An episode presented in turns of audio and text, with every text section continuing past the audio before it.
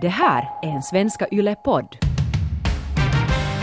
satt och bläddrade i en Bamse-tidning här. Så där har det ju också gått framåt att är det nu så att Lille Skutt har en kusin som är en pojkkusin som är ihop med en annan pojkkanin som var dessutom en svart pojkkanin. De hade en liten kanin också Ja. som väl då är typ grå. Ja. Och här har det igen blivit dags för Norrena och Frans, en relationspodd. Men vi pratar ju inte sådär helt bara enbart om relationer, eller vad Hanna? Nej. Nej. Ibland så blir det elakt förtal eller bara skvaller också. Varje gång blir det också sånt, det är mycket viktigt.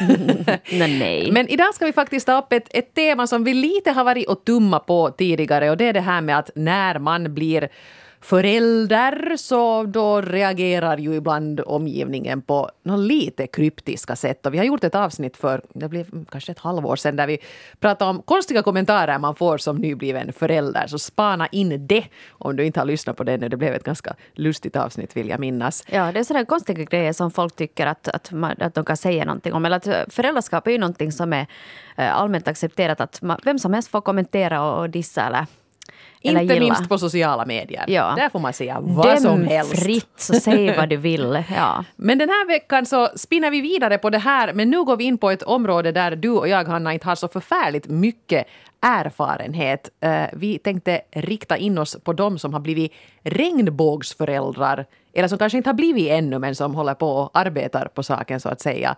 Eh, och eftersom du och jag då inte är regnbågsmammor, mammor nog, så bjöd vi in någon som verkligen kan de här sakerna. Och det är du, Katarina Katsu Salo. Välkommen! Hej, tack så mycket. Tack, tack. Vad roligt att vara här. Härligt att du är här. Ja. Du, som sagt, du är ju en, en regnbågsmamma om vi nu får titulera dig till det. Jag vet inte, ibland kan det ju vara lite känsligt med de här sakerna också, att man säger fel. Men är, det, är det liksom okej För i mig är det helt, helt okej att vara en regnbågsmamma. Det känns att det, det är just det jag är. Mm. Ja. Eller mamma i en regnbågsfamilj. Eller bara mamma. Ja, det, det är ju också helt okej. Och professionell poddare om just detta ämne ska vi också säga att om det är någon som nu äh, lyssnar och tycker att åh, äntligen pratar de om det här som är så viktigt så ska ni spana in Katsos egen podd som heter Queerance. Ja, Queerance med Olivia och Katso finns där poddar finns. Ja, Och på KSF, HSS och Åbo Underrättelser. Alla de här plattformarna. Ni hittar den överallt. det bruk, brukar inte vara så svårt. Ja. Men om vi, tar, om vi börjar nu lite så för att etablera dig och, och din situation så här. Som sagt, eh, du är alltså då mamma till en ettårig flicka.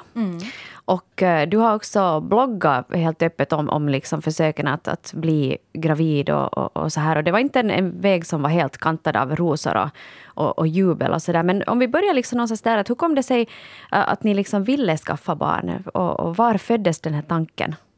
No, eh, min partner hade, eh, hon hade helt klart för sig att hon vill ha barn. Hon vill ha familj. För mig hade det inte varit lika klart. Um, men jag- jag vet inte, efter ett tag så mognar väl den här tanken. Och jag tror att också, vet ni, när, när ens kompisar runt en börjar få barn och, och ens umgängeskrets eh, består mest av barnfamiljer, så då, då blev jag också att ja, nej men okej, kanske det skulle vara helt okej att ha barn. Och då föddes den här tanken och sen, alltså ganska snabbt efter att jag bara en söndag morgon i Krabbis sa till min fru att hej, kanske vi ska skaffa barn ändå. Så ganska snabbt därefter så kontaktade vi en fertilitetsklinik. Det är alltid bra i den där krabbisskedet att alltså, vi måste nog göra något vettigt av vårt liv nu. Så här kan man ju inte hålla på. Exakt. Krabbisångest. Det bara, Ja. "Åh, jag vill sluta med det här, jag behöver en familj. Nästa kapitel. Ja. Men det Katso du också har, har bloggat om är det här att, att, att du, visst, du har skrivit att du, du visste typ ingenting om hur man blir Mm. eh, förälder då när man lever ihop med en, med en annan kvinna. Du fick liksom lära dig allting. Hur, Ja. hur tacklar du det? Eh, nå, det var ju egentligen därför jag började blogga om det här. Um, just för att jag visste ingenting. Jag hade en, en vän, eller ett par i vår närhet, som just hade gått igenom fertilitetsbehandlingar. Och det var liksom det enda jag visste. Sen blev det bara så där att vi, vi tog kontakt med samma klinik som de var till, för att vi visste om den. Vi googlade inte ens så där hemskt mycket.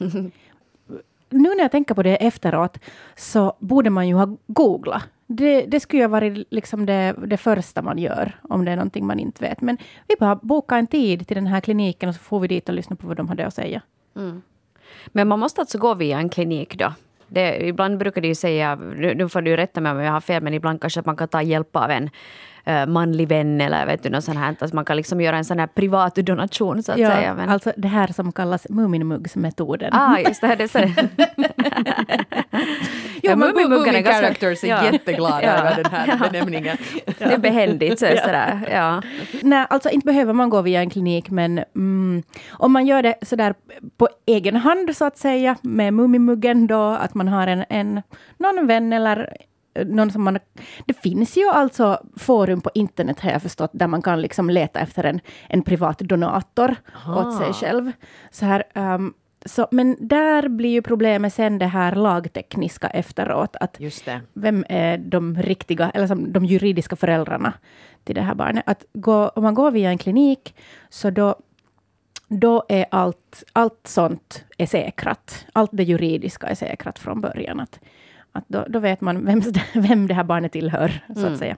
Ja, en trygghet i det förstås. Mm. Men, men mm. blir det ändå så där då liksom att, uh, som ni då i ert fall, att ni gick via en klinik och säkert använder då en, en anonym donator, mm. så, så då är det liksom ni två som är skrivna då som de officiella föräldrarna, att, att den här donatorn är inte liksom den är ute ur spelet. Donatorn är helt ute ur spelet. Ja. Men när barnet blir 18 år så har barnet rätt att ta reda på vem den här donatorn är. Det här ändrar i och med uh, när vad heter det, hedelmöiteslaki?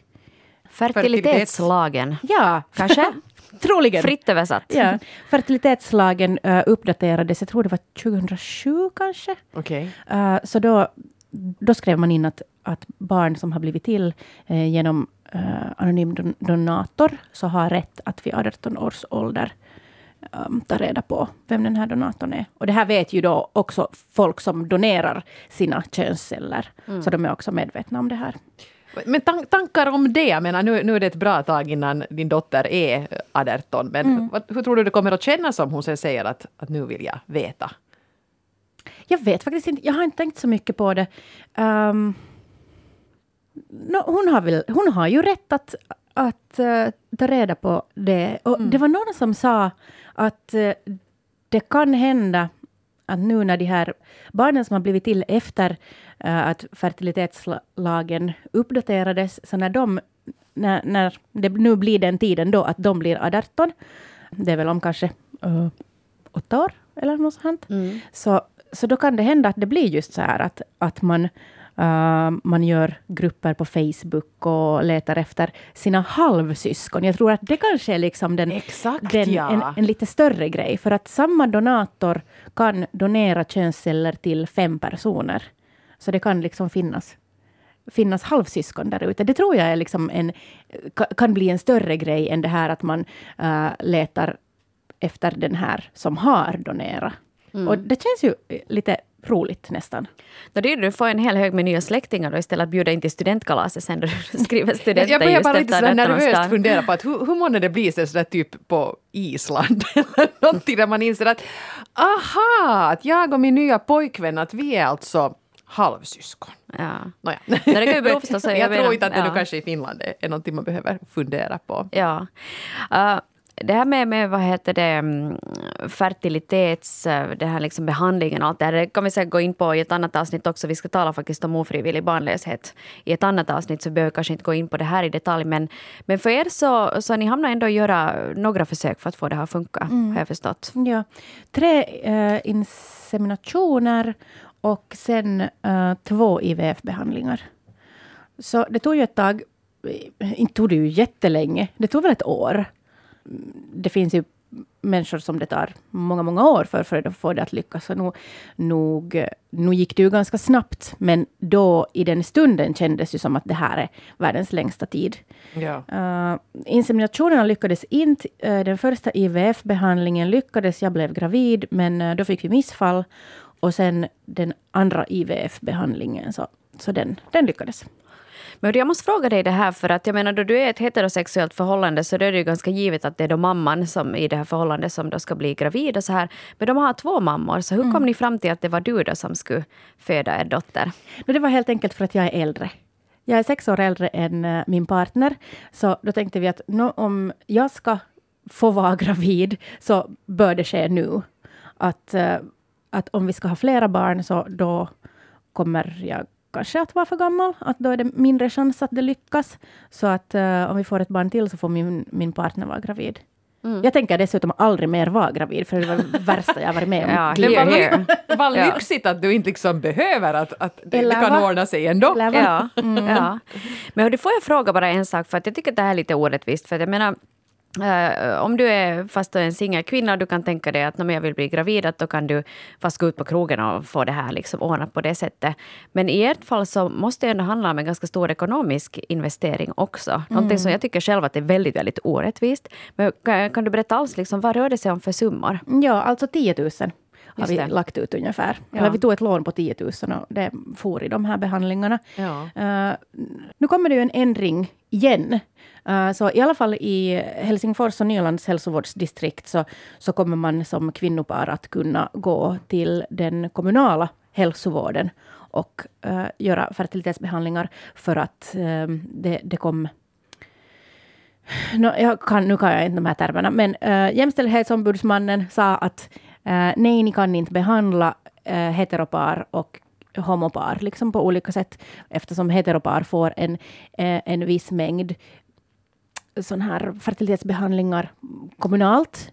Precis, om, om, heteropar som inte, inte liksom som lyckas bli gravida så lätt. Precis. Ja. Mm. Uh, och då har, då har man hittills så har, har kvinnopar inte kunnat göra det här eftersom man har då sagt att nej, men vi gör inga behandlingar med donerade könsceller utan man har bara använt liksom de här, det här parets liksom då egna könsceller. Men nu har det här ändrats för att de tycker att man kan inte behandla par Nej, men vad bra. Mm. Ja. ja. det väl på tiden. No, eller, ja. Men nu måste de bara först bygga upp en så bank av, av könsceller för de kan börja Kom, Kommunala könsceller. Det här sätter hörni den finlandssvenska ankdammen i en helt annan dager, tycker ni inte? Jo, men där, där måste jag ju ändå, apropå det, få fråga att, att eh, Får man komma med något önskemål gällande den här donatorn? Får man liksom säga att...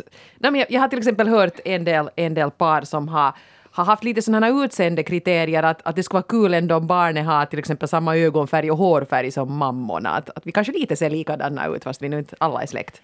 Eh, det finns fem kriterier som man får veta om de här donatorerna. Det är längd, ögonfärg, hårfärg, hudfärg, etnicitet.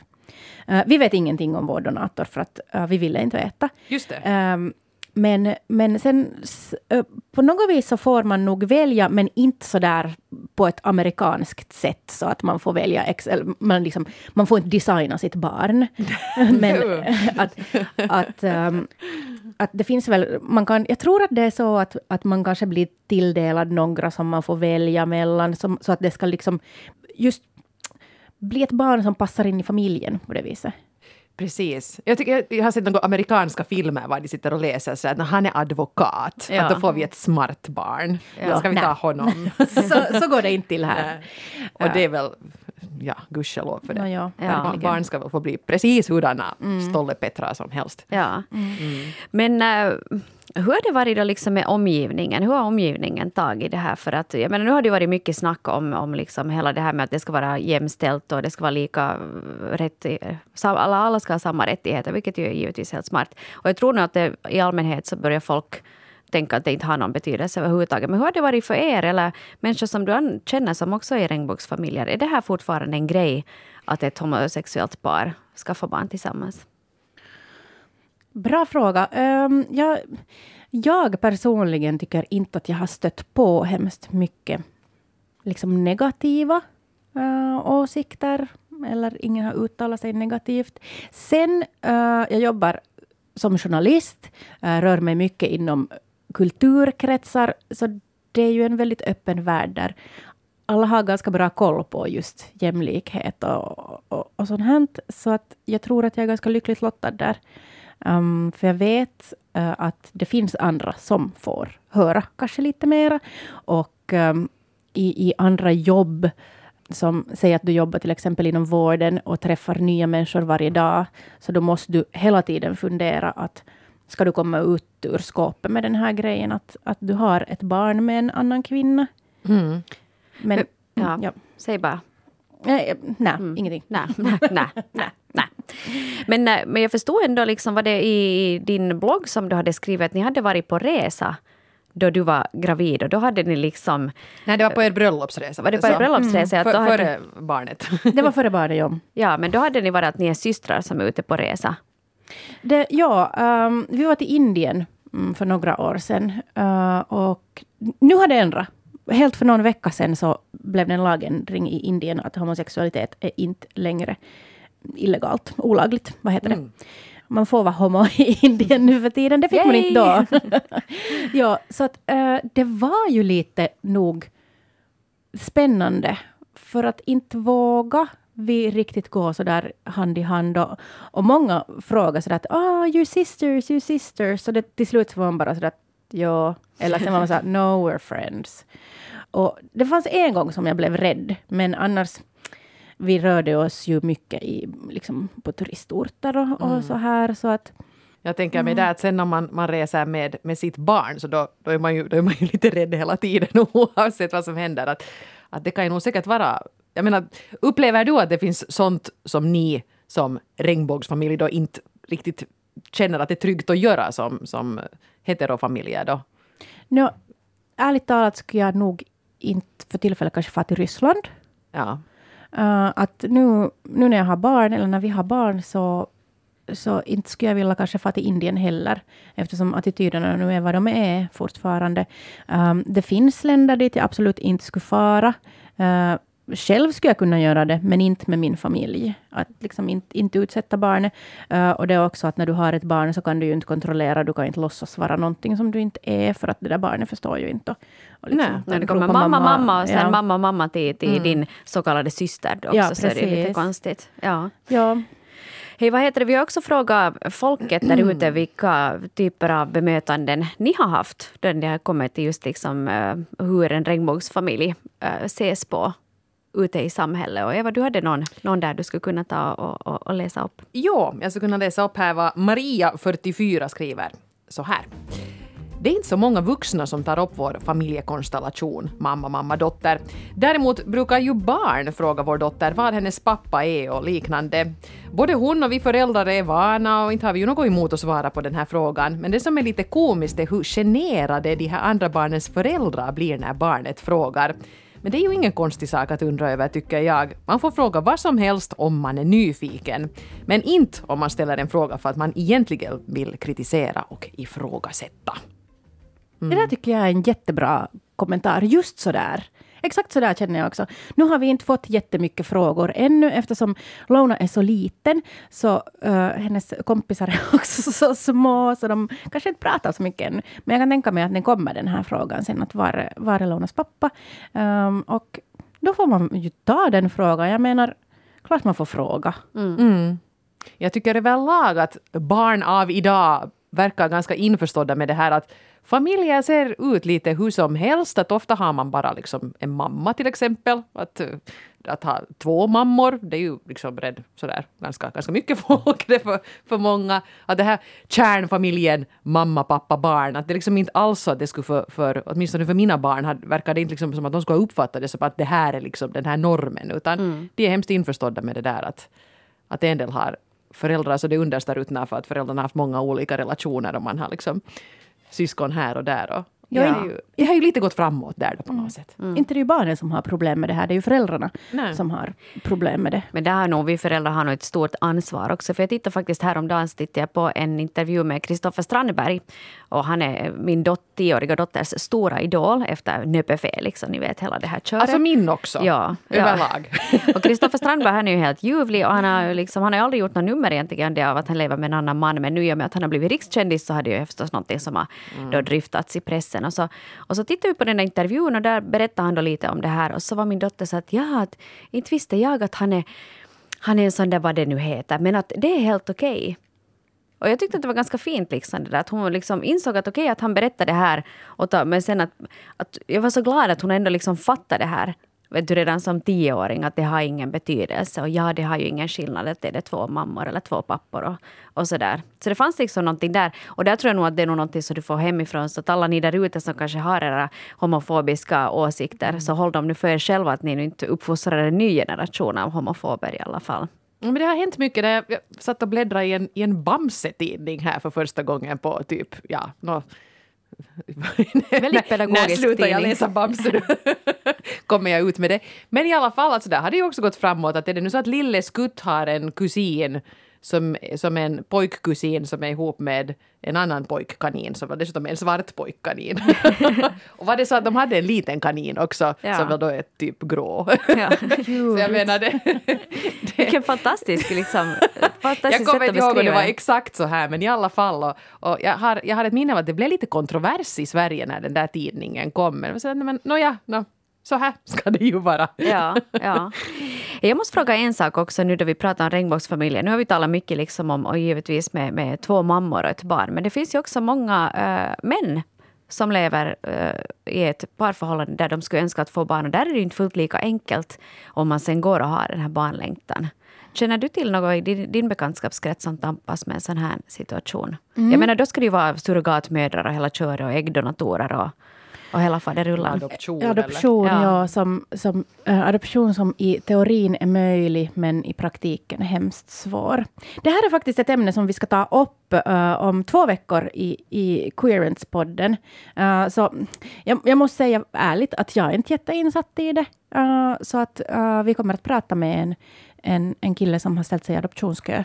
Så att eh, då, då får vi förhoppningsvis veta mera. Men, men jo, det är liksom situationen känns väldigt orättvis för uh, manspar jämfört med kvinnopar. Ju, just för att liksom, jo, du, nu får du i och med den nya äktenskapslagen och allting så får du adoptera, men det är jättemånga länder som, som inte vill adoptera till samkönade par.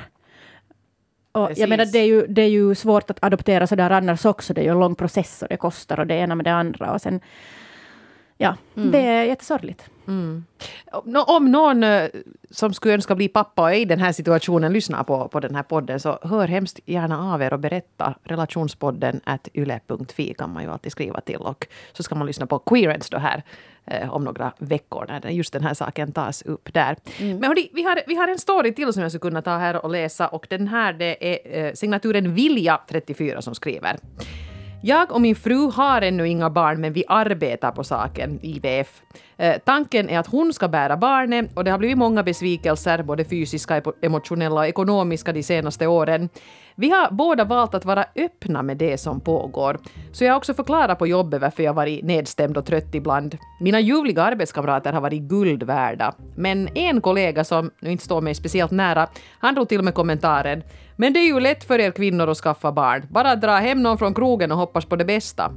När jag frågade honom hur kul han skulle tycka att han som heteroman ska hoppa i säng med en annan man för att få barn så sa han att det nu inte går att jämföra. Men jag tror kanske ändå att han tänkte efter lite.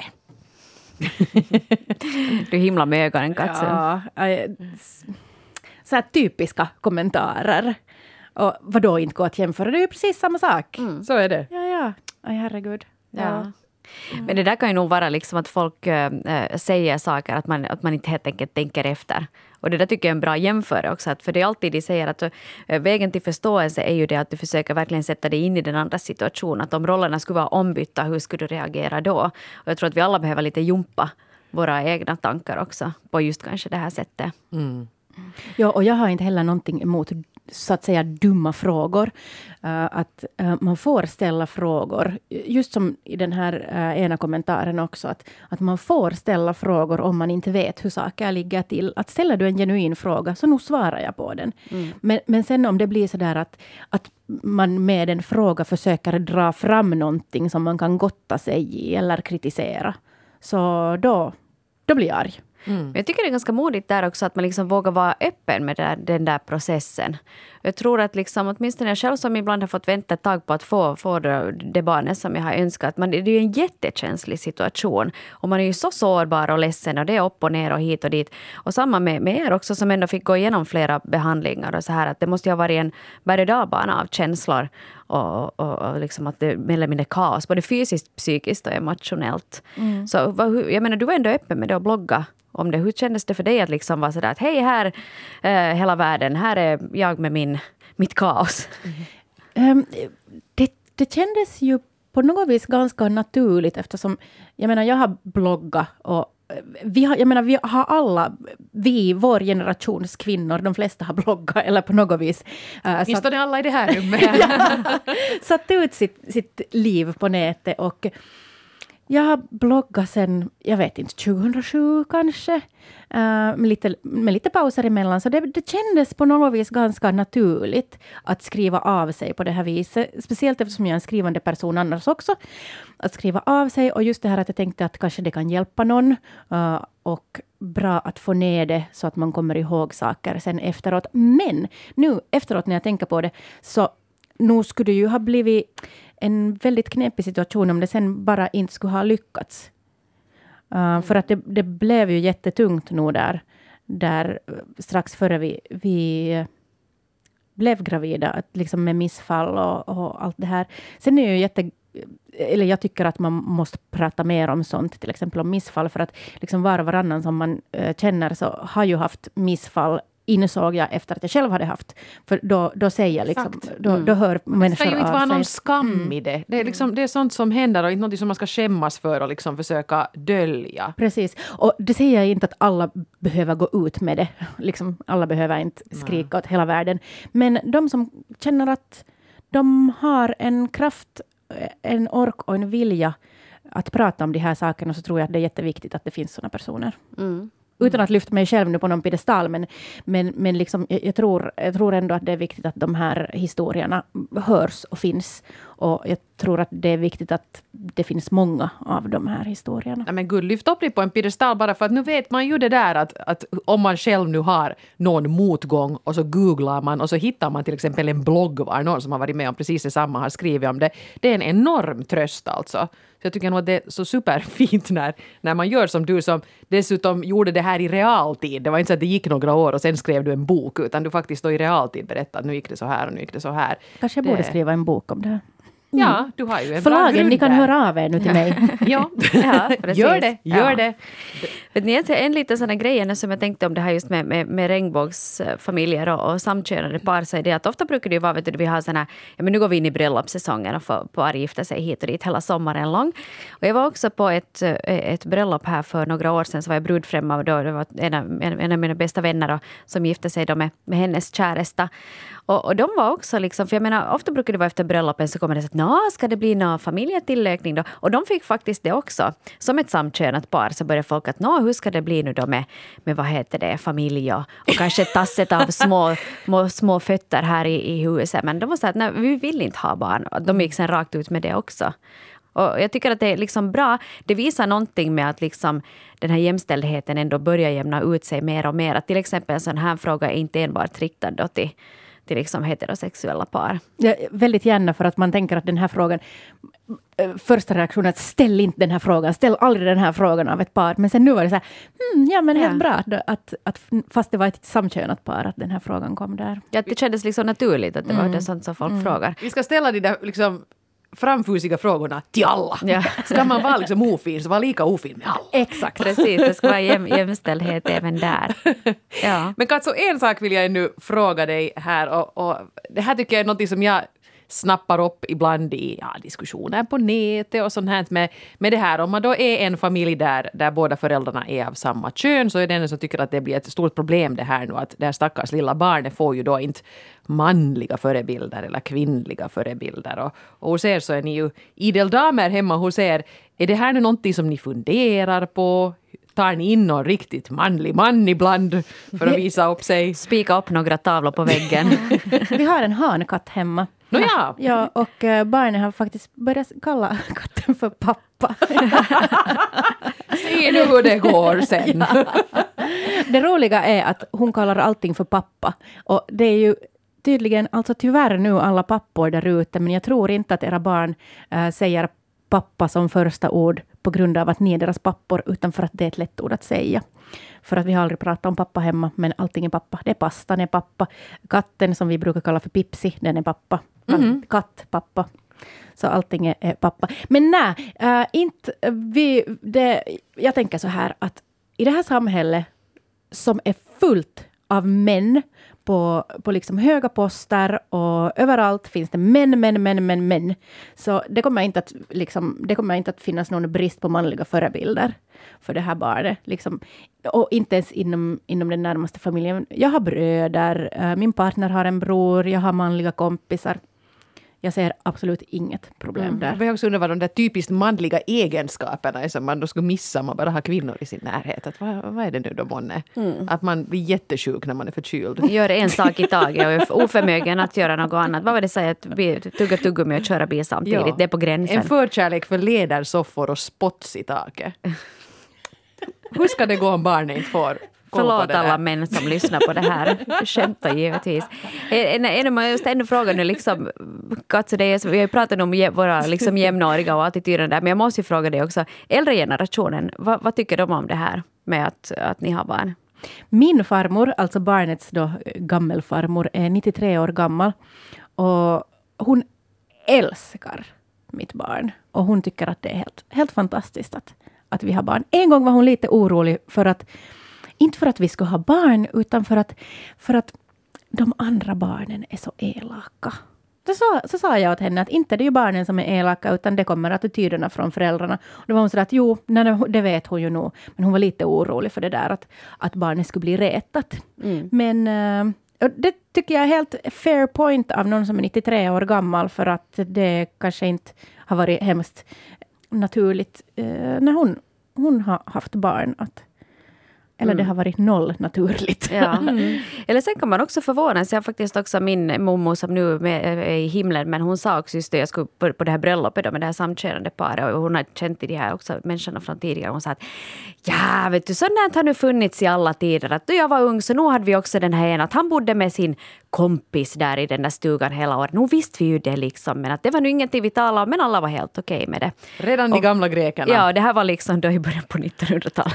Det är ju inte riktigt, men liksom att, att det har kanske funnits men det har inte varit lika öppet att tala om det. Så, att, så på det sättet så, så finns det nog tolerans i alla generationer, lyckligtvis. Och, och förhoppningsvis så blir det ännu bättre också ju längre fram vi går. Tusen tack till dig, Mm. Det här var Salo, för det jättebelysande. här. Och det är hemskt att vi måste börja avrunda nu för att man skulle vilja prata mycket mera med dig om Ja. det här. Men vi får lyssna på Queerance istället och försöka nöja oss med det. Eller så kommer du tillbaka någon gång och Ja, det var mer. jätteroligt. Tack för att jag fick komma. Det var helt jättekiva. Nästa vecka i relationspodden Norrena och Frans, då ska vi tala om eh, hur man kommer över sitt ex. Ja, om man är riktigt rådumpad, eller om man själv kanske har dumpat, så kan man ju också känna sig lite ynklig. Vad göra då? Vad funkar för dig i en sån situation? Var det liksom att genast hoppa vidare och försöka hitta någon ny, eller att liksom eh, koncentrera sig på sig själv ett tag, eller, eller vad, vad funkar? Och vad funkar inte? Nu ska vi ta och fixa hjärtesorgen tillsammans. Skriv in dina Åh. bästa tips till relationspodden at yle.fi eller också via formuläret som du hittar på svenska.yle.fi. Och nästa vecka så behöver vi inte stå och sjunga sen All by myself no mer, utan då kan vi ta en kumbaya istället. Åh, vad fint! Det blir Vad härligt. roligt. Vi ser fram emot Ska jag det. ta med ved och marshmallows? Och vin. Ja, Okej, så gör vi. Vi hörs igen om en vecka. Ha det riktigt fint tills dess. Hej då!